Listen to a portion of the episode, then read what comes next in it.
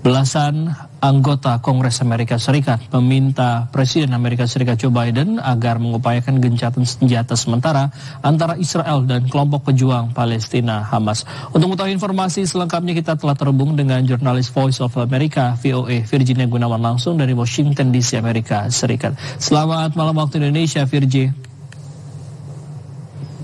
Selamat pagi waktu Amerika Serikat, Fajri. Ya, Virgi dapat informasikan apa sebenarnya isi surat tuntutan upaya gencatan senjata yang disampaikan dari para senator Yahudi ini?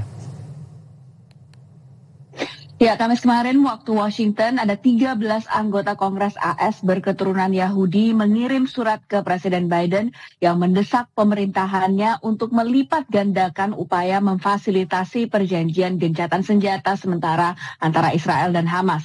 Perjanjian gencatan senjata sementara ini mencakup pemulangan sandera, semua sandera ke keluarga mereka, menghentikan kekerasan dan penderitaan yang meluas di Gaza, serta menghentikan penembakan roket ke Israel dari Gaza uh, dan menyediakan bantuan kemanusiaan dalam jumlah yang besar. Ini bukan yang pertama kalinya anggota DPR AS ataupun uh, Kongres AS yang berketurunan Yahudi menyerukan desakan ini ke Presiden Biden.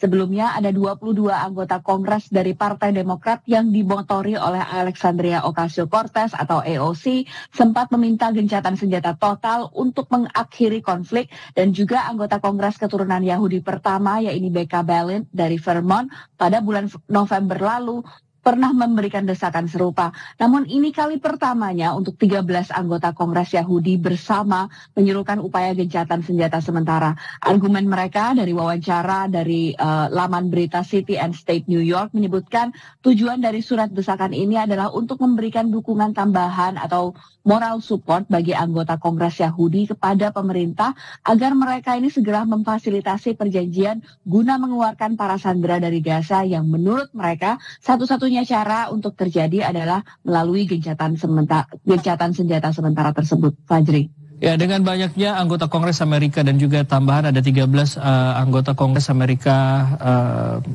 berlatar belakang Yahudi yang uh, mengharap agar gencatan senjata sepenuhnya ini dapat berhenti. Sebenarnya seberapa pengaruhnya desakan ini, Virgi?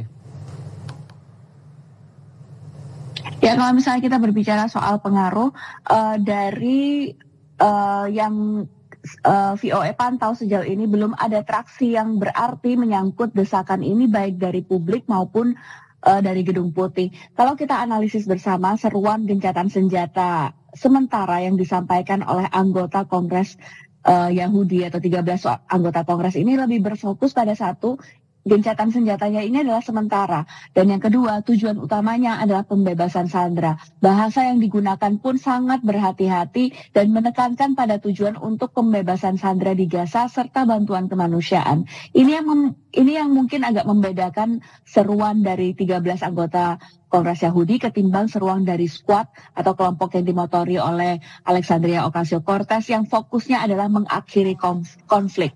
Nah, Amerika Serikat sendiri seperti yang tadi disampaikan pada awal pekan ini kembali memveto rancangan resolusi Dewan Keamanan PBB yang menyuruhkan gencatan senjata di Gaza dengan dalih bisa mengganggu proses pembebasan sandera. Amerika Serikat mengeluarkan draft alternatif dan ini untuk pertama kalinya Amerika Serikat mengajukan rancangan yang menyertakan kritik tersirat atas serangan Israel di Gaza dan situasi di tepi barat. Meski demikian, menurut analis ini mungkin akan jadi sinyal halus bahwa pemerintahan Biden akan terus melindungi Israel di PBB, namun kesabaran dari Amerika Serikat mungkin akan ada batasnya menurut analis tersebut. Fajri.